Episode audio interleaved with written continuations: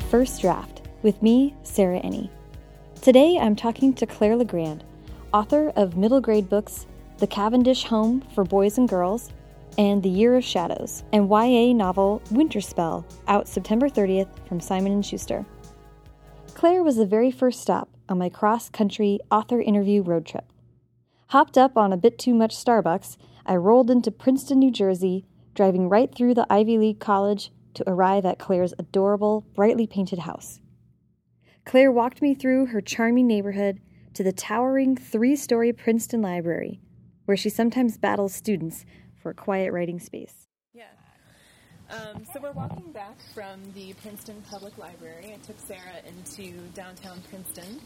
Um, Gorgeous. yeah, which is gorgeous. It's right by Princeton University. It's all one big, like, kind of college town, urban living mecca. Filled with Um, smarty pants. yes, filled with smarty pants.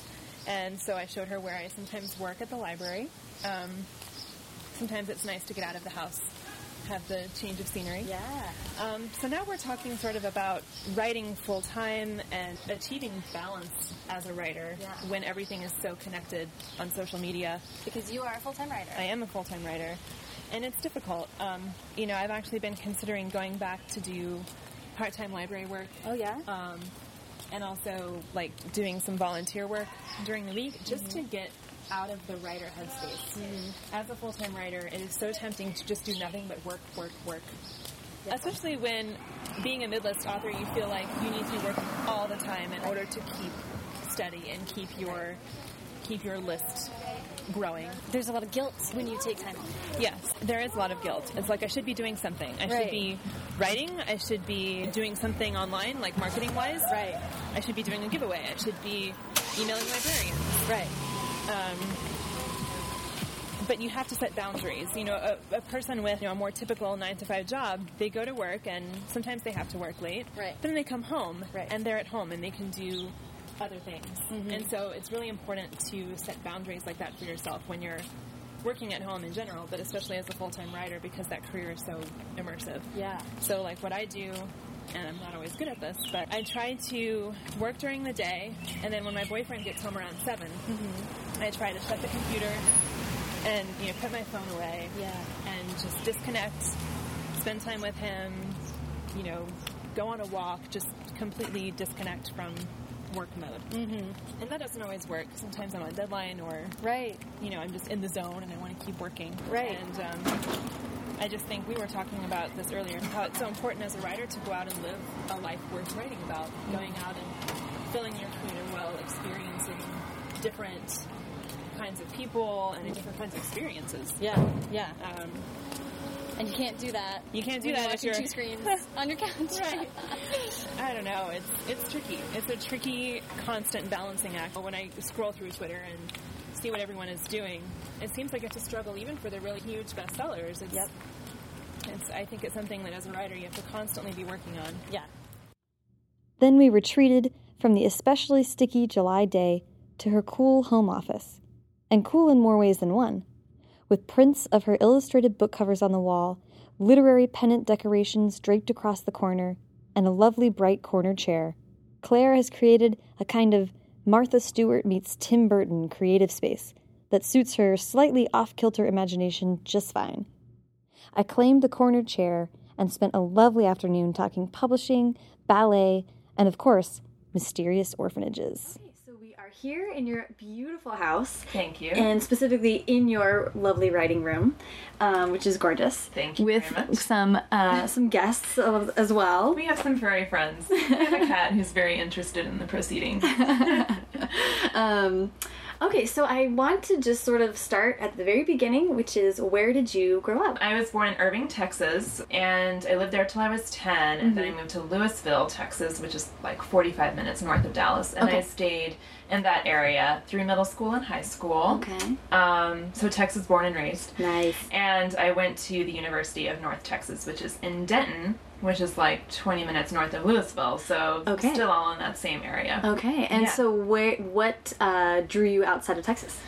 Well, um, once I started writing and I sold my first couple of books, I decided I wanted to try the live in New York and be a full time writer thing. So I moved to New York in February 2012. Okay. And I lived there for about a year. Okay, and we're totally going to come back to Yeah, that yeah. because will that is part of the that. whole place yeah. thing that I'm obsessed with. But first, I want to know when you started writing.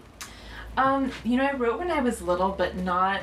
You know, people say in, in these interviews, are like, "Oh, I've I've been writing forever. I wrote like 20 books before I got published," and that wasn't really me. Um, I wrote just for fun when I was little, but it wasn't ever really a big focus for me. In middle school and high school, I joined the band and I was really involved in the band, so like I hardly ever read, and I certainly didn't write anything except for uh, some like truly terrible emo teenage girl poetry. Yes. Sarah's like cheering. I love there. it. I love it. Um, but that was really the extent of it until two years into college. I got, well, I got this story idea right after I graduated from high school, and it percolated sort of in the back of my mind for a couple Huh. of years. Okay. And then two years into my undergraduate studies, which was um, trumpet performance, I was a musician. Yeah. Cool. Um, I decided that I wanted to change my major because I had these story ideas and one in particular. So I wanted to really focus on that and sort of change my career track because as a musician I wouldn't have had time. Right. You know, being a musician is like being any sort of artist. You're working on that all the time, so I wouldn't have had time to write. Um, That's that's pretty major. I can imagine that was a pretty like a upheaval moment for you. It was. I mean, that had been my whole life since sixth grade when I joined the band. Yeah. That had been my goal to be a professional musician and go play in an orchestra somewhere. Yeah. Uh, specifically New York. I wanted to play in the uh, New York Philharmonic. Oh wow. It's a bit of a pipe dream, you know, for Hey. any musician, but you might But as well hey. shoot for the stars. Yeah. Um, but yeah, it was a huge deal. And actually, like after I changed my major, I didn't know. I knew I wanted to write, Mhm. but I'm a pretty practical person, and I wanted to have a day job, like a backup plan Right. and I didn't know what that was going to be. So it was kind of not a dark period, but kind of a lost period. After you leave behind something that had been your focus for so many years, it took me a while to find my footing again. I started working at the university library just as a student, mm-hmm. like a student worker, and that's when I thought, hey, what about libraries? I like to write, I like books, libraries are related to that, so that's when I decided I would go to grad school and get a library science degree. Okay. So convoluted path, but Yeah, but you know that's when I talk to high school kids. Um, you know, so far my books have been middle grade, and high schoolers can read middle grade, of course, but Mm-hmm. Yeah. they don't read it middle grade as much as the younger kids. So I talk to high schoolers a lot about what happened with me in like Mm. college and following your dreams, and it's okay to change your major, and you know where that can take you. Because I think it's important not to be afraid to make those Yeah. big changes. Well, that's that's incredible. I mean, really, it's like I'm, I'm like with you in just imagining in the middle of Yeah. college, you're making every, everything's changing all the time during Yeah. that period. So it's really brave. Thank you. At the time, I didn't feel brave. I just felt stressed. But Um, Oh. thank you. Uh, where did you get the library science degree? At the University of North Texas. Okay, I, so it was yeah, I stayed there. Yeah, Okay. um, they have pretty good library school. I decided to just stay near Mm-hmm. home for a while. Um, so I got. I finished my undergraduate degree. It ended up being in English literature. Did you hear that? That was Aw. Loki, the cat. and He wants attention. Yeah, so I just got like the most generic, you know, English literature degree. Had no idea what I was going to do with that Yeah. until later when I started working at the library, and then I just stayed there and got my got my graduate degree. And I'm glad that I did stay at home for a while because it was that upheaval period lingered, you know, for quite Mm-hmm. some time. So it was good to have that support system of being at home. Yeah. So the whole time that you are continuing at school, doing Mm-hmm. uh, exploring library science, you're also writing. That that original story idea that I came up with right after I graduated high school, I didn't start, I guess, working on it uh, legitimately working on it until I changed my major, so 2006. And I started, I mean, I had no idea what I was doing. I hadn't read for years because I'd Mm-hmm. been doing the music thing. Like, pretty much the only thing I had read was the Harry Potter series, you know, Right, like, right. and I'm embarrassed to say that kind of, but, you know, it's just what happens when reading and writing that wasn't my focus at that time. I was writing this story. I really didn't know what I was doing. I started, I wrote it, and it was really, really long. Did you get you got to the end though? I, oh, I wrote the whole thing. Wow. I, I remember the first day, I, I planned it for a long time. It was a Mm. big, like, YA fantasy trilogy, like high fantasy, epic fantasy. Wow. And so it required a lot of pre-planning, all the brainstorming of the the world building, and Yeah. there was a, there's a huge cast of characters, you know. So it took me forever to work that out. and then I remember still the day that I finally started writing it, and I was so nervous because I had never written anything, and I was like, oh my gosh, I don't know what I'm doing. Yeah. But I still remember that feeling of beginning and excitement. It was great. Um, so yeah, I wrote this book. It was incredibly long. Like How long? I still remember. It was um, 347,742 words.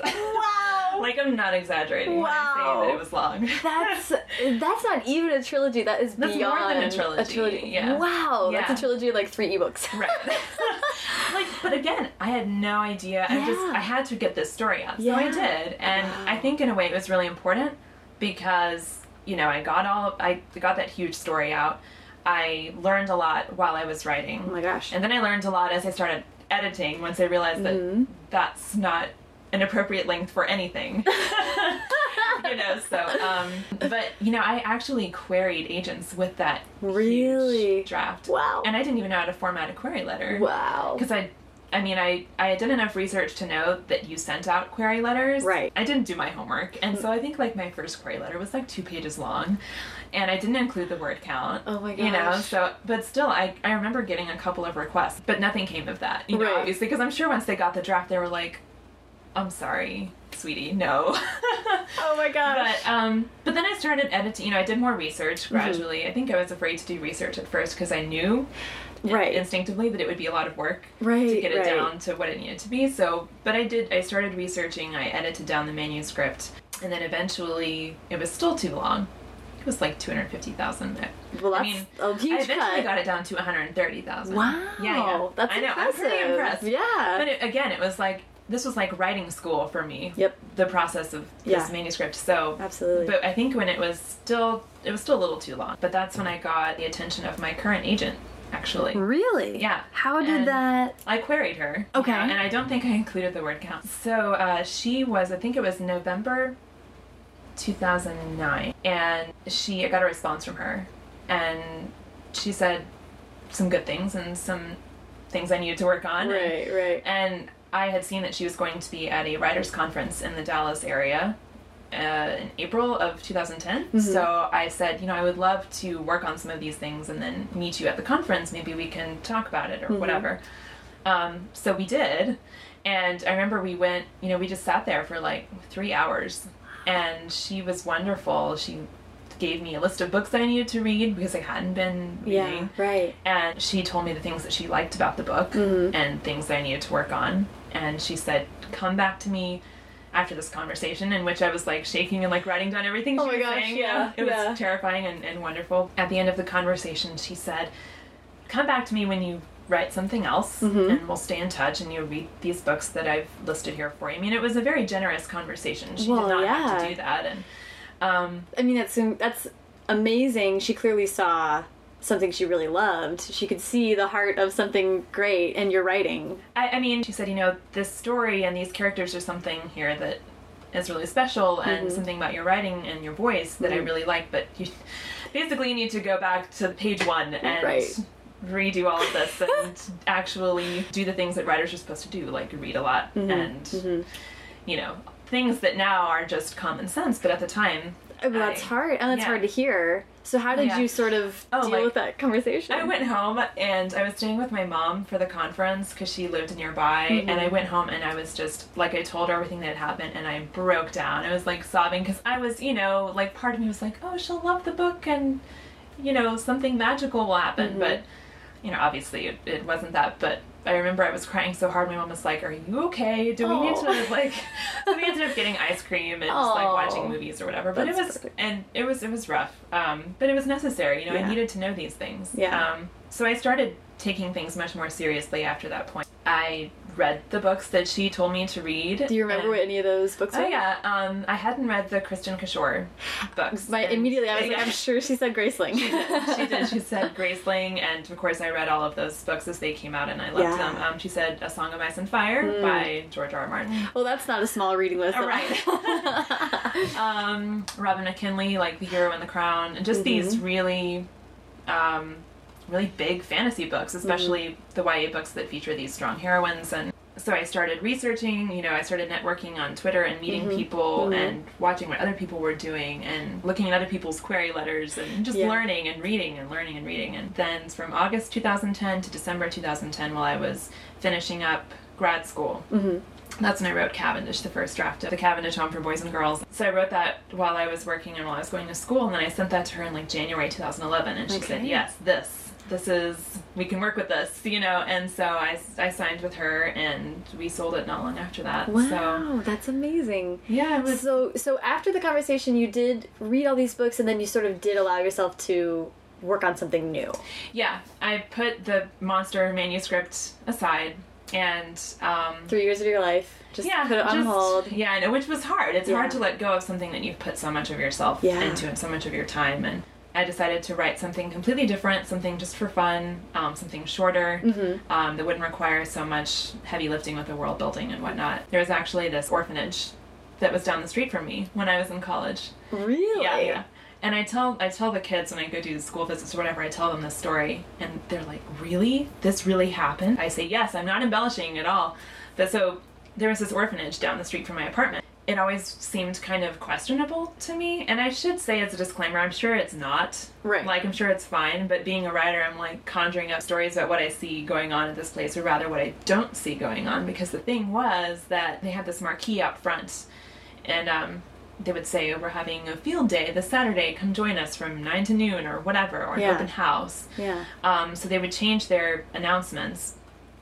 But I never really saw anybody on the grounds, and I lived right down the street, right? So you'd think I'd see people, I never saw like visitors or kids or instructors. And then there was this door on the side of the building that was always taped shut with like the yellow police caution tape. And I'm sure again it was just like a structural thing. They're working on something, who knows? But um, But but I'm like, ooh, this is fun, you know. Uh, yeah, so I the imagination. yeah, will- the imagination takes flight. I became sort of obsessed with it. And I, like every time I went somewhere, I'd drive by the and like look around, and I was thinking of like you know story ideas in my head. And then um, this one night, my girlfriend and I were watching movies and stuff. She stayed over, and we left the apartment at like whatever time it was, midnight. You know, it's a college town. We went Yeah. to the Walmart. You know, Yeah. um, to get like a snack run. And um, so we drove by the orphanage, and this van pulled out of the driveway. It was like one of those white panel vans where you can't see Yeah, and yeah. the windows are really tinted, so I couldn't see who was driving. And the van started following us. I know, dun dun dun. Yeah. What? Um, and so I immediately am like, oh my god, the van is following us because they've seen me spying on them and they don't want me uncovering their secrets. You know, I was kind of half kidding, right. you know, but at this point, there's well, it's midnight. following Anything. us It's like creepy. anything is possible. Yeah. And my friend was, you know, skeptical. She's like, Claire, they're not following us. It's just a coincidence. But we took this roundabout route to the Walmart, like U-turns and Wow. weird roads. It wasn't a direct route or anything, and they followed us the whole way. And it was freaky. Like even my friend started, you know, what are we supposed to do if they keep following us? This, Yeah. we gotta call somebody. Or, Yeah. but anyway, so we got to the Walmart, brightly lit, and lots of people. Yeah. They, they pulled away and left, and we never saw the van again. What? So weird. So I knew immediately. I was like, I have to write a story about some creepy Yeah. orphanage. Yeah. And I did, and it was fun. You know, Wow. it was, it was a complete departure from the other manuscript, and I think Yeah. that's what I needed. Sometimes you have to just set something aside, as Mm-hmm. painful as it is, and start fresh. Yeah. Um, It is hard, but it's it's that's another one of the like you like earn your badge. Yeah. when you get when you Oh do yeah, that. yeah. Everyone's done it, you Yeah. know. And and the books that you do end up shelving, I think each of them are important to your overall growth. Yeah. Um, so you should never regret. I mean, I don't regret all the time that I spent on. on Well, that. And I think it's so funny when I t- spoke to Suneya. Her first book also was this sort of epic sprawling. I think she Yeah. was a measly two hundred thousand words, so Ah, nothing. But, but I was telling her like that's you wrote two books, you know. So Yeah. basically, you wrote three. You had the experience that an author does going through three separate manuscripts. You Mm-hmm. just sort of it was all one, but you're learning that much. looking back on it, I can appreciate it so much more than I even did at the time when I was thinking like, oh, this is going to be, you know, my big break or Right. whatever. Wait a second. I feel like I had the orphanage question. Oh, you know what? I did actually want to know. So you had this amazing, cool real life experience that's Mm-hmm. inspiration for it. Did the characters come to you as middle grade? Yes. Yeah. I had, you know, again, the real life inspiration. You know, I wanted to write about a, a creepy orphanage. So I guess the concept came first for that book, but I knew from the beginning that I wanted it to have that sort of classic Roald Dahl feel. Yeah. So, um, and I feel like a creepy orphanage kind of story. That's what I called it for the longest time. A creepy orphanage story. Yeah. Um, I feel like that just lends itself so well to middle grade because it's about, you know, this supposedly dependable adult institution that ends up being questionable. And I don't know, I just feel that's such a perfect middle grade thing because these kids are just beginning to leave childhood for like the larger world and they're beginning to understand that not all adults are good. You know, it's just that first revelation for them. Yeah, I always knew it was going to be middle grade. I always knew that I wanted it to have a sort of surreal, like Tim Burton, uh, you know, Neil Gaiman sort of feel. Yeah. Just because that's the feeling that was in me when I was looking at this orphanage. Oh my gosh, you know, yeah. so. Um, And I think Roald Dahl is perfect in there. Just that sort of vibe Mm-hmm. is so amazing for that. And you're right. I think that really does sort of, in some way that I can't express very eloquently right now. It, that seems to middle grade is like this perfect time period to explore that kind of stuff. Yeah, middle grade in general, I just love because somebody who was it?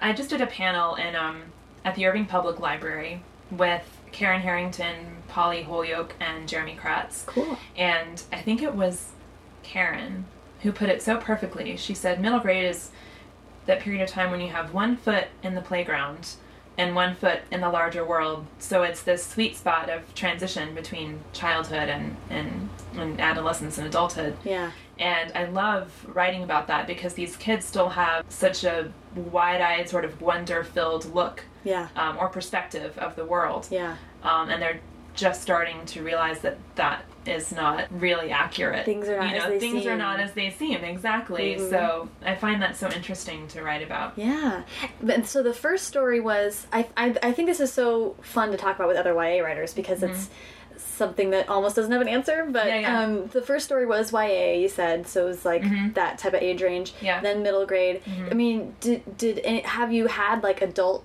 story ideas come to you, or is it mostly? Um, I do have a couple of adult ideas. One of them is actually that first, you know, monster Yeah. manuscript I've thought about, you know, in my return to it and playing with it and seeing what I can make of it now. I've thought about making it adult fantasy. And then I have one other that's like an adult sci-fi that I haven't even touched in years, but someday. But mostly I I feel moved to write for middle grade and young adult audiences. There's just something about those two age groups, and they each fulfill like certain parts of me. Mm-hmm. You know, middle grade I've, I've talked about, and then with YA you can push the envelope a bit and explore. You know, in, in middle grade, these kids are still very much in a small world, like their Right. own insular experience, and then in YA, these kids are beginning to see the larger, the much larger world and, and their place in it, and Yeah. so that's interesting too. Yeah. Um, and then you can, of course, have more kissing in, Yeah. in young adult. I was gonna say that's the one uh, thing with middle grade is you kind of have to. I don't know. You have to be careful. I mean, you can have first crushes. I mean, Right. you should have first Right. crushes. Um, it's funny. I've had so many people tweet or email me about shipping uh, Yeah. Victoria and Lawrence from Mhm. Cavendish. That's the main character and her best friend. So they say, "Oh, I totally ship them," but then I feel weird because they're twelve. Right, right. they're like, you need to write. Some of them say, you know, you need to write a sequel where they're older so that they can we can have some kissing with them. Um, Have you thought about that? I've thought about it. I don't know. I never, when I wrote it originally, I never intended for there to be a sequel or anything. okay. But it's funny, so many kids email me and they say, you have to have a sequel because that ending, and here's what I think the sequel should be, you know? Yeah. so that's really fun to hear, you know, what people think. That's it's almost that's when you know you've done a standalone book so well is when people are like, here's what I think should happen. Yeah, it's yeah. like so tempting, I'm sure, as the author to go back and do that, but at the same time, even if you never do, yeah, like that that story of what happens after the mm-hmm. end of the book is being written like. Yeah. by hundreds of other readers all the time. Exactly, and that's what I like about standalones. All my books so far have been, um, because it's a complete story. Yeah. But I think a good standalone leaves you with resolution, yes, but also with all these questions. So you do, you continue writing the story in your head. Yeah. And it can really become your own in a way that a series can't. Right. Because the series is there. It's being written by the author. So Mm-hmm, I don't know. I feel like standalones can even be a bit more personal in that way. Yeah. Um, I love that you're getting those letters from kids. I It's know. so adorable. Oh, they're they're great. Ah, that's the best. It's funny, the kids totally into the scary stuff. Yeah. And then the adults are the ones who sometimes say, "Oh, this is this gave me nightmares. This was too intense." Um, the kids are totally into it, though. Kids are Yeah. kids can handle stuff. Kids can handle more stuff than people think they can. When I go do school and library visits, the kids are so hungry for horror, and especially the girls, Mm-hmm. which you know, not to to impose you know gender expectations or whatever but i would expect that it would be the boys Right. you know who would be more interested in horror but it's the girls and i don't really know why that is but i think these kids are hungry for horror because it allows them to explore their fears in a in a safe environment Yeah. so Well, I was gonna say, I think, I think, I mean, as of course we were both young readers, yeah. I think I remember looking back at that time and Christopher Pike and Fear Street, and I mean, we went went from Goosebumps like right into all that stuff. I started Uh-huh. reading Stephen King, and I think it was. Especially as a young woman, you have so many things to be scared of. People Yeah. are telling you what to be scared of all the time, Mm-hmm. and in the ways in which you you didn't even realize that you don't have power, and now you're being told you don't have power over this. And i like that I That's think really it's it's something about like if some if someone was standing in front of you with a knife, then you could identify, you could narrow down what you're supposed to be scared of. Yes. It's that. Yeah. And otherwise, it's this just diffuse. There is a lingering threat. I mean, we all deal with that Mm-hmm. as young women and now. And I think there is something about identifying that as a girl. Like it's like The Craft, that movie.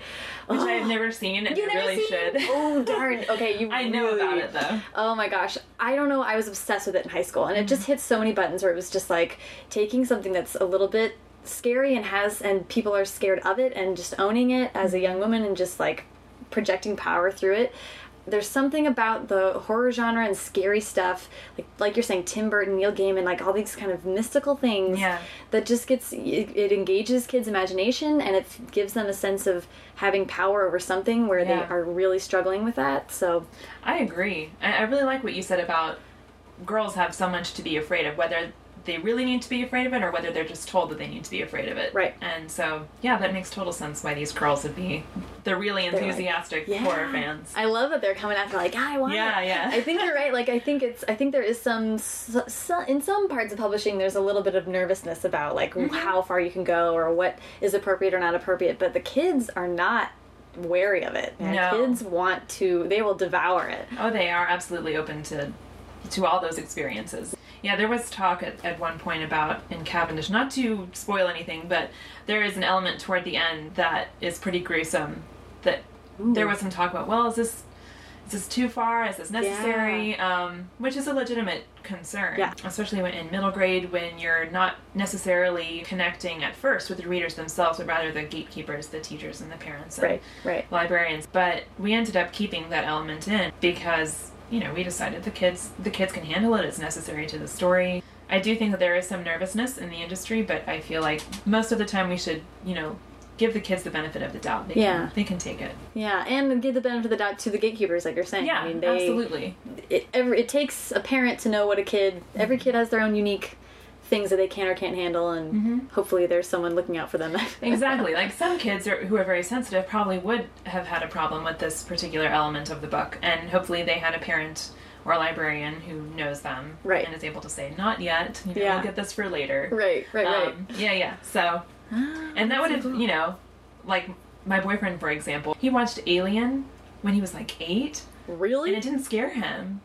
But that would have terrified me. Yeah. You know, like I wasn't able to watch those movies until much later, so it, it's just different for everyone. Interesting. Oh, that's so funny. Yeah. I know. Terrifying. I love that movie now, but eight, Oh, I would not have been able to handle it. I think I watched it for the first time when I was 18, and I was still like, what? I know. Like hands over the eyes. but it's so good. It um, um, oh, okay. So I do want to talk about. Am I correct in remembering that you wrote a blog post about leaving New York?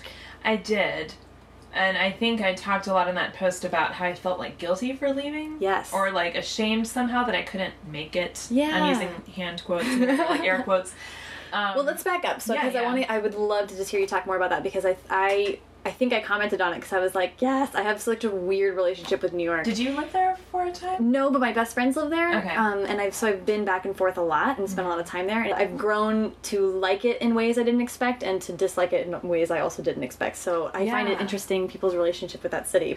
I moved in um, February 2012. So I Mm-hmm. had worked for a few months at a public library in Frisco, Texas, which I love. So I wanted to try, as I said, the whole writing in New York thing. Yeah. And, you know, in my head, I knew that I was romanticizing New York because I had seen it in movies and television Mm-hmm. Yeah. shows, and I was obsessed with Friends when I was younger, and let's Mm. be honest, I still am. And so I was like, oh, I'm gonna go do that, you know, have the awesome apartment and Yeah. meet the awesome people across the hall. And I knew that I was romanticizing it, but I really didn't care. I just wanted to go try. And there are a lot of things that I liked about it. I liked being in the heart of the publishing industry for one. Yeah. So, especially because that was my debut year. So, and I got to meet a lot of writers Mm-hmm. who live in New York. You know, I made some really good friends. So, I'm really thankful for that experience. Mm-hmm. But other than that, you know, there's so much to do there Yeah. but it's all very expensive and it's all very distracting. Like if you're there, you feel like you should be going out and doing all of these things, taking advantage of where you live. And I found that overwhelming because it was it was hard for me to balance that compulsion with the need to work. And it was also very distracting because not that I went and did a bunch of stuff necessarily, but I felt the need to. So Yeah. there was that pressure always there. Yeah. And also I felt like it was so expensive and it took forever to get anywhere and I just coming from the suburbs, which is a land of convenience, Right. I found that very stressful Yeah. rather than invigorating, which is what I thought I would feel. Right. Like living in the suburbs in Texas, I was like, I've got to get out of here. I got to go live in a big city. You know, I feel I feel stifled.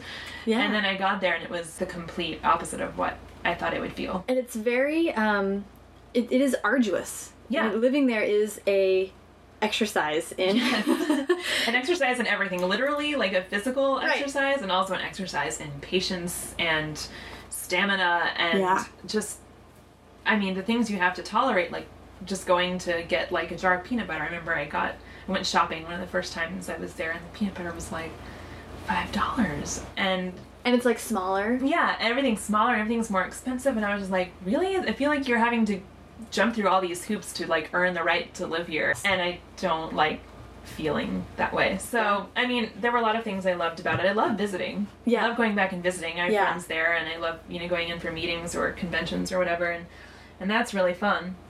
But just wasn't for me, and I and I felt I really did feel ashamed about that because I thought that means I'm super lame or weak or something. Mm-hmm. But got over that pretty quickly once I got out here and realized that this is more my speed. it, your blog post I thought was so great, and then there's also um, Sarah McCarry, the rejectionist. I love her. I love her. I'm, I'm hoping that I get to speak to her soon, but um, I I'm from Seattle, or S- Seattle's home to me, um, and then live in DC, but been to New York a lot. So Sarah talks a lot about that exact dichotomy, like Seattle and New York.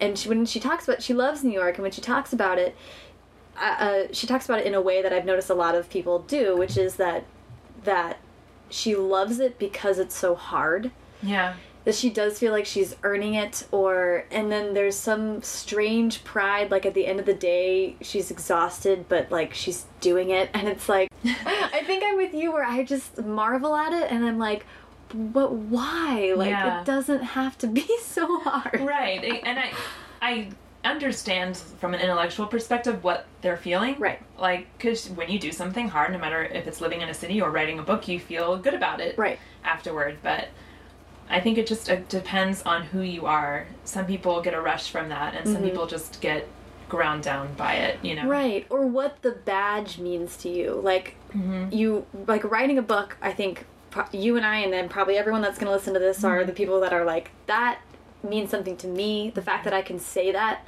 to anybody I meet, I wrote a book. That is that means enough that yes, all worth it. these hours, all of this pain and and frustration that we go through, absolutely worth it. Um, and of course, the joy of writing itself, but Mm-hmm. having that um, sort of jewel in your crown, if you will, is worth Yeah. it. And then I think, yeah, where you and I are agreeing is the the badge of I live in New York. It doesn't carry enough weight for me Right. to be worth that. Like, Exactly. The trade off is not for me the same. Right. That's that's what it is for me too. Yeah. And um, yeah, having to feel like I need to earn where I live. I mean, there are so many other things in life that I have to earn and that I have to struggle with. I don't want where I live to be one of them. Yeah. You know. Ooh, But- I like that quote a lot. Oh, thank you. but to all the New Yorkers out there who are like taking umbrage with this, like Yeah. I love the city. Yeah. I love the city. I do. I think, it's and it is wonderful to visit. But yeah, no, no, no hate on New York, but it's No, no fascinating. It's one of the one of the most just polarizing cities, Mm-hmm. and I love talking about place and and all and how our relationship with it. And I just think that's one of the cities that brings out the most, good or bad, Yeah, for I people. I think so too. And I think it's becoming more polarizing. I feel like income inequality Is. that's becoming more stark. So okay, um, the and actually that sort of brings up. You brought up um, another issue that I'm sort of talking or, or discussion topic, which is the writing like a community. Um, so you talked about how New York was great for sort of diving into that, but you also mentioned going online and getting a lot of resources there. So how is the experience of meeting other writers? How did that start with you, and how's that evolved? Um, definitely, I started with Twitter.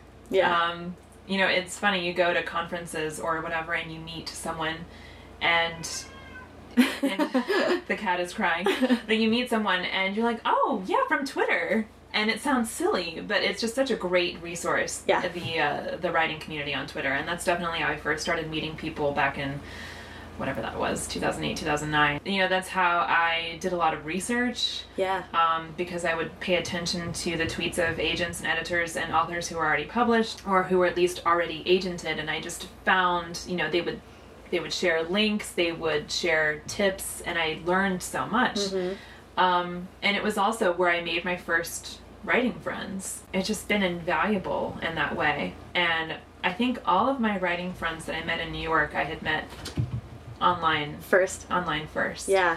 Um, and it's great because there are so many cities I could go to, and I would have a friend there, you know, who I could call up and, and meet up with because Mm-hmm. Yeah. I knew them from Twitter.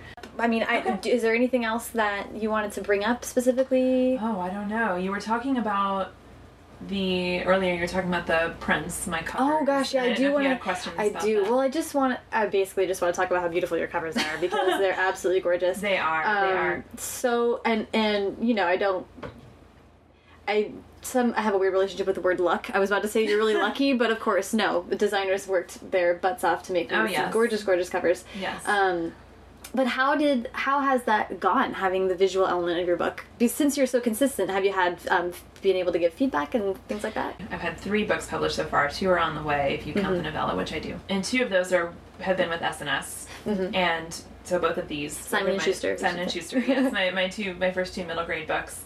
Um, I've been working there with um, Lucy Ruth Cummins, Mm-hmm. who is an art director there. She's fabulously talented.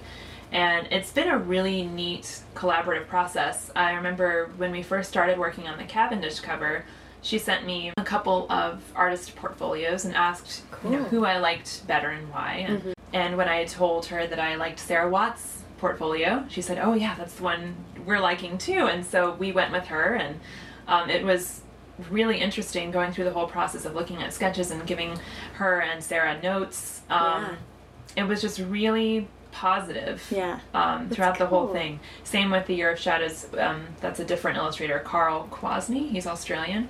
I think he lives in New York now, though. Um, he's also fabulously talented. And it was again, we looked at, you know, artist portfolios and went with him because he's such a great mix of like darkness and softness. Like you Mm-hmm. can see that cover there. It, she looks so like youthful and full of wonder and middle grade joy, but then there's also darkness there. Um, Yeah. You guys can't see the cover, but you can. Well, we'll link to it for Yeah, sure. yeah, yeah, we'll link to it, And there's be- like the and kind the of creepy, ghosty yes, little ghosties specters. and um, but yeah, I I love in general. I love middle grade covers Yeah. because most of the time they're illustrated, and they're so they're so unique. oh, they're so cool. Yeah, they're wonderful. I love going to the middle grade section of the bookstore and just gazing at all the beautiful illustrated know. covers. I Um, think if I had my druthers, all middle school would be illustrated, and all YA would be like typeface. yes, I love I love text only. yeah, yeah, yeah. Text or just one big symbol or something Yeah. because. Um, I don't know. They they seem to um, when they get it right, they get it so right in those Mm-hmm. two mediums in that way. But um, yeah, these are just the best. Yeah, and both of these are uh, hand drawn typography, so that you know they created. Oh, I these, love that. Yeah, and Karl Kwasny, who did the Year of Shadows cover, I think that's one of his specialties is the hand drawn. It shows. And it's beautiful. That's Yeah, yeah. gorgeous. Absolutely gorgeous. Um, with Winterspell. yeah. Winterspell. Actually, I have the full jacket here. If you want to look. Oh, I do. Okay, I did not realize it was, it was going to have the shimmer to it. I know it's like all metallic and fancy. Gorgeous. It's very. I mean, it's perfectly wintry. Again, that was a Lucy Love it. Lucy um, Ruth Cummins at Simon and Schuster, and she again she just did a wonderful job. Like she knew Ooh, it's so exactly what it needed to be, and you know she would send me drafts or whatever, and she would ask her my they would ask her my feedback, and I would give it, and it was so positive. You know, such a positive that. experience. That is so rad. Yeah. So I did want to talk about Winterspell because Sure. the um, I wasn't sure, and now that I talked to you, I know that you were not a dancer, but this is based No. on Nutcracker. Yes. So how did that come about? Um, I did take dance for like two years or something in elementary school, you know, like everyone does, and it was fine. But I definitely am not a dancer. Um, but I've always loved the Nutcracker. Uh, I remember we used to in my house we used to watch. They aired on PBS um, the motion picture, which was made in like the I think it was 1983 or 1986. And we used to watch that every year at Christmas time, and I just loved it. I remember from an early age, and I think it was because of the version that they showed on PBS, the motion picture. Um, is very weird, Mm-hmm. and it has a darkness to it. Well, I'll get a little nerdy here. So, um, the original fairy tale by E.T.A. Hoffmann is really bizarre, and it has these undertones of sensuality and darkness, Mm-hmm. and there's a lot of violence. I mean, it's I mean, it's like a typical fairy tale, Right. Right. Right. Um, but you don't really think of the Nutcracker as being that because so many of the productions are fairly family friendly and Mm-hmm. somewhat sanitized. Yeah. Um, so you think Nutcracker, you think sparkly tutus and Mm-hmm. you know a bunch of little local kids running around with their ringlets. You Right, know? right, right. But this production um, was the one that I'm the one that's my favorite. It's called Nutcracker, the motion picture, Cool. and um, it was made into a movie by the Pacific Northwest Ballet Company. Yay. Yes, yeah. and I, I love them. I think they're just a fantastic. I, I watch all their like behind the scenes videos on YouTube. I'm That's a fan from afar. That's awesome. um, but yeah, so they started this Nutcracker production, I think, in 1983, and then they made it into a movie directed by Carroll Ballard, who did The Black Stallion, which was my thing when I was little because Yeah. horses, right? yeah. Um, and Maurice Sendak did the sets and the costume design. Oh and you can tell when you watch, you're like, oh, this is like Nutcracker meets Where the Wild Things Are. You know, it's, That's amazing. Yeah, It's so perfect. it is. It's wonderful. So that was the version that I watched, and I think it really informed my take on the story. Mm-hmm. So even from an early age, I was like fascinated by the dark elements to it, and I started to associate the entirety of the holiday season with that feeling of like joy and like darkness right under the surface. Yeah. So it became this whole thing of like, ooh, winter, the holidays, Nutcracker. It's like mystery and magic. Um, I I uh, love that. Yeah, That's such a cool. I think that's a fun way to experience uh, I think the holidays. So too. I think so too. Um, I like maintaining that element of like mystery and Yeah.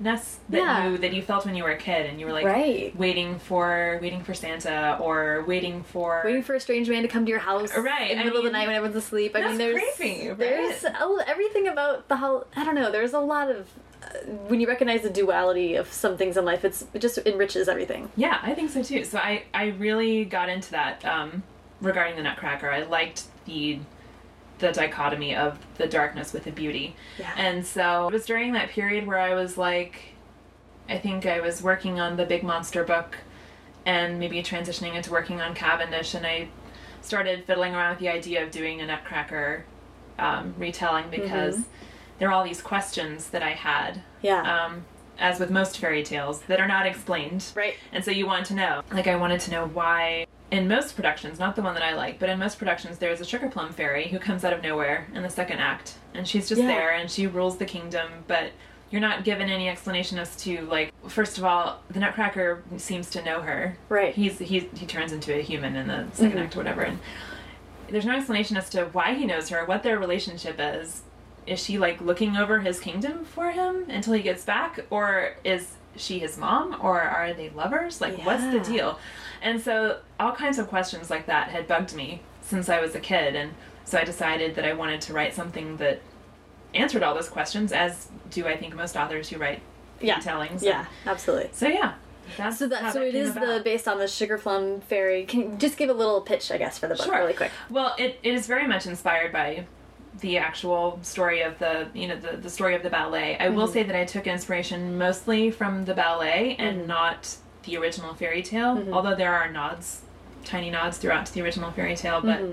Mostly, I was inspired by the ballet because that's the version of the story that I'm most familiar with. And um, I tried to maintain the feeling of dance in the book, wow. um, in the language, and also in just the look of things. Like I wanted it to feel like these there are these beautiful like sets and backdrops for like this this ballet, this huge Wow. like novel ballet that's that. happening. Yeah, so um, so basically, it's a I I had to do it in six words at the Teen Author Carnival, and Oh, gosh. so I did dark, twisted, sexy retelling of the Nutcracker. I I cheated. I The had the, the, the Nutcracker, but um, it's Wow. so it basically tells the story of Clara, Mm-hmm. who is um, the main character. That's what her name is in most of the ballet Mm-hmm.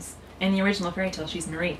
So it's the story of Clara, who begins in 1899 New York City, and her father is the mayor, Mm-hmm. and he's also a member of like a uh, an underground crime syndicate, and um, so she's having to navigate all this like blackmail and violence and secrets. And her mom has died recently. She was killed under mysterious circumstances. Nobody knows why. So she's investigating this um, and she feels very frightened and vulnerable most of the time she's surrounded by like these evil men who are powerful Yeah. and um, the only place she feels safe is in the workshop of her mysterious godfather, Drosselmeyer, who, if you'll remember from the ballet, is the magician guy with the eye patch, and he gives her the nutcracker. So he's like teaching her secretly how to fight and defend herself. Um, Wow. it's the only place she feels empowered and safe. And then one night at the Christmas Eve party, her ho- her home is attacked by these like monstrous creatures, and this statue that has been in the corner of her godfather's workshop comes to life and is actually a young man who has been trapped in this statue by an, uh, by a curse. Okay. So, when her father is abducted, she and this young man, whose name is Nicholas, have to go to this magical kingdom Yeah. called Cane and find him. But the kingdom is ruled by a an evil dictator fairy queen who is the sugar plum fairy, and they go on adventures, and it's it's really fun. Oh, that sounds so amazing. I'm oh not gosh. good at pitching things. No, I went on for too long, but no, that's amazing. Well, your the sixth word is sixth amazing. word, it works, And yeah. then, but then, because it has been a long time since Mm-hmm. I w- even heard any sort of version of that story. But like as you describe it, I'm like, oh yeah, like Yeah. I know this story, and that but that and that's something that's a huge like compeller. I'm like, I really I want to see like hear Yeah. or read your version of it. Oh, thank you. Um, yeah, the the beginning of the book, which is basically like the entire first act of the ballet when it's the Christmas party, right? Right. The entire first act is a Christmas party. And so up until the Christmas party is over and Clara and Nicholas go to Cane, which Mm-hmm. is the name of the kingdom. It's very much like you could follow things that happen in the ballet with what's happening in the novel. And from Yeah. there, the second act of the ballet has like no narrative. They just go to the land of sweets or whatever it's called and they watch these people dance. Mm-hmm. Right. So there's It's no just a sort of a showcase. as they call period. it um, divertissement, which is like these yeah these little dances that don't have substance. They're just nice to look at. Yeah. And that's the majority of the book. I expanded on what's going on in this kingdom and the Sugar Plum Fairy character. You know, Yeah. she becomes this villain who is very complex and. Since there is no structure to the second act of the Nutcracker, like it doesn't follow that exactly, but there are, you know, pieces of Yeah. the ballet and how this world is structured. that is so cool. So it was really fun to do. Yeah. Like I could get all nerdy ballet when I was writing it. You know, so that was really fun. That's cool. So you you are really a big dance fan then. I'm not. You could ask me who the big dancers are, and I would have no idea. Right. I just love watching it as a total amateur Yeah. viewer. You know, Yeah. I appreciate it. Yeah. Um, I would get season tickets if I could. You know, but those are a bit pricey. But like my on my bucket list is to go to Seattle and see this production of the Nutcracker, which they still put on every year. Oh, cool. Um, so someday. I do feel like dance. I've there's a few writers that I've noticed online that are that are very into dance, and dance is one thing that I am so bad at. Like dance, dance, Yeah. and knowing steps and things like that.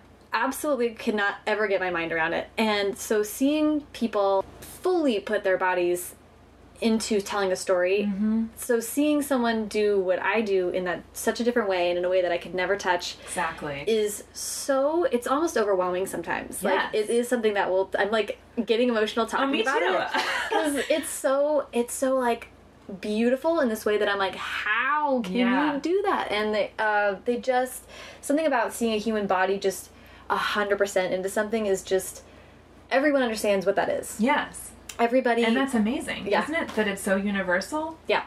I- it's insane. Oh yeah, uh, just the fact that these people can tell a story with. I mean, there is music, sure, Right. but the fact that they can tell a story without saying a word, Yeah. and just using their bodies as an instrument, is baffling to me. Amazing. Yeah, It's and I'm sure that there are people who feel that way about writers. Yeah, you who know. hate writing. whereas, whereas it's natural to us, Right. You know, like Right. it's how we express ourselves. Yeah. But um, but yeah, It's cool, Oh, and I loved just I love then since they are so similar but so opposite. Just the idea of getting a book idea from a dance is uh, there's some sort of amazing beauty in that. So Oh, well, I'm so glad you think so. I Yeah. think so too. I just, um, this book is very personal. It's like a piece of my Yeah. childhood brought to life, you know, Yeah. and it's very visual because I was inspired by the, you know, by the visual Yeah. nature of the of the ballet. Yeah. So, um, I hope that everyone enjoys it. so the I've sort of been wrapping up the interviews Yeah. with a little bit of uh, what would you give for advice to fledgling new newer writers? um, the thing that helped me most once I had that three hour conversation with Diana was actually getting back into reading, just reading a lot. Yeah. I think that is so helpful because you're able to look at what other people have done and see what works for you and what doesn't and Mm-hmm. and it immerses you in language so to put together words more Yeah. easily because you're immersed in that world um, i wish that i had been reading for years and years you know but you, you can't go back and you can't wish things Right. but but yeah that is the when i talk to kids um, at schools who want to write or who do write you know what advice do you have read read everything don't read just the stuff that you want to write but read Right. widely in every genre Right. uh, for every age group i would also say write whatever you're passionate about even if you don't think it will sell even if you don't think this is you know even if you don't think that it's even if it scares you Yeah. um, I'm working on a project right now that I can't really talk about, but it really scares me because it's you know it's a tough subject, and um, it's going to require a lot of research on my part. But I think that it's going to be worth it because it's a really important thing for people to read about, and so I know that fear that I'm feeling is telling me, you know, that means that I should write it. Yeah. Um, and then that original monster story that I wrote Yeah. if I hadn't written that, I probably wouldn't be sitting here talking to you today because it was that thing that I needed to jumpstart my passion in writing. Yeah. So, you know, if you have an idea for a 350,000 word fantasy novel, Yeah. no, go ahead and write it. Do it. Don't maybe expect that it'll be the one, but Right. you have to write it to, you know, to explore yourself as a writer and to just find out for yourself what works and what doesn't. Yeah. Um, yeah. Yeah. So yeah, read a lot, write what scares you, write what you're passionate about, even if you don't think that it's necessarily trendy or sellable. Right. I think that's Um, what's important is that I think a lot of kids feel that their story isn't. Well, and this is part, part of the entire diversity in YA Mm-hmm. discussion, right? Is that children, some of these kids don't see themselves in stories at all, and, and are, are maybe never even. I mean, Ellen and and the people that are now actually writing these books Mm-hmm. have the most tragic stories about being kids and just literally never seeing their face reflected back at them in a book. And so I think some kids get the idea that their story is not what people want to read about, and couldn't every every human story is equally valuable and should be written. And then every it's like the weirdest books are the ones that pop up and become Oh yeah. you know phenomenons or or uh, or are published. You know, I think people have sort of negative skews towards what publishing is willing to publish or not. But publishing, the publishing industry produces some crazy books, some really unusual books. oh, absolutely. If you have a wacky idea, you might as well do it because those are the ones that stand out. Yeah, and who else is going to tell that wacky idea? Yeah. You know, I mean, that's a story, uh, whether it's wacky or bizarre or just you don't see a lot of other books like it out on the shelf. I mean, then that means you need to write it. Yep. Because it's not out there. There's a niche that needs yeah, to be there's a filled. niche that needs to be filled. There are readers who are wanting a book like that, and Yeah. they're not seeing it. So, Do it. um, do it. Don't be afraid. Yay! um, okay. yeah.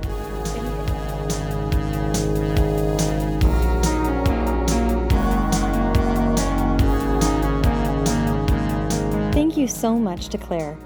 You can follow her on Twitter at Claire Legrand, and the show at First Pod Draft, and me at Sarah Enni. The show is also at www.firstdraftpod.com. If you enjoyed the interview, and if you're still listening, I'm guessing you did, I hope you'll consider visiting the website www.firstdraftpod.com and clicking support to find out how you can keep this adventure rolling. Original music was created for First Draft by Hash Brown, and the logo was created by Colin Keith. And thank you so much for listening.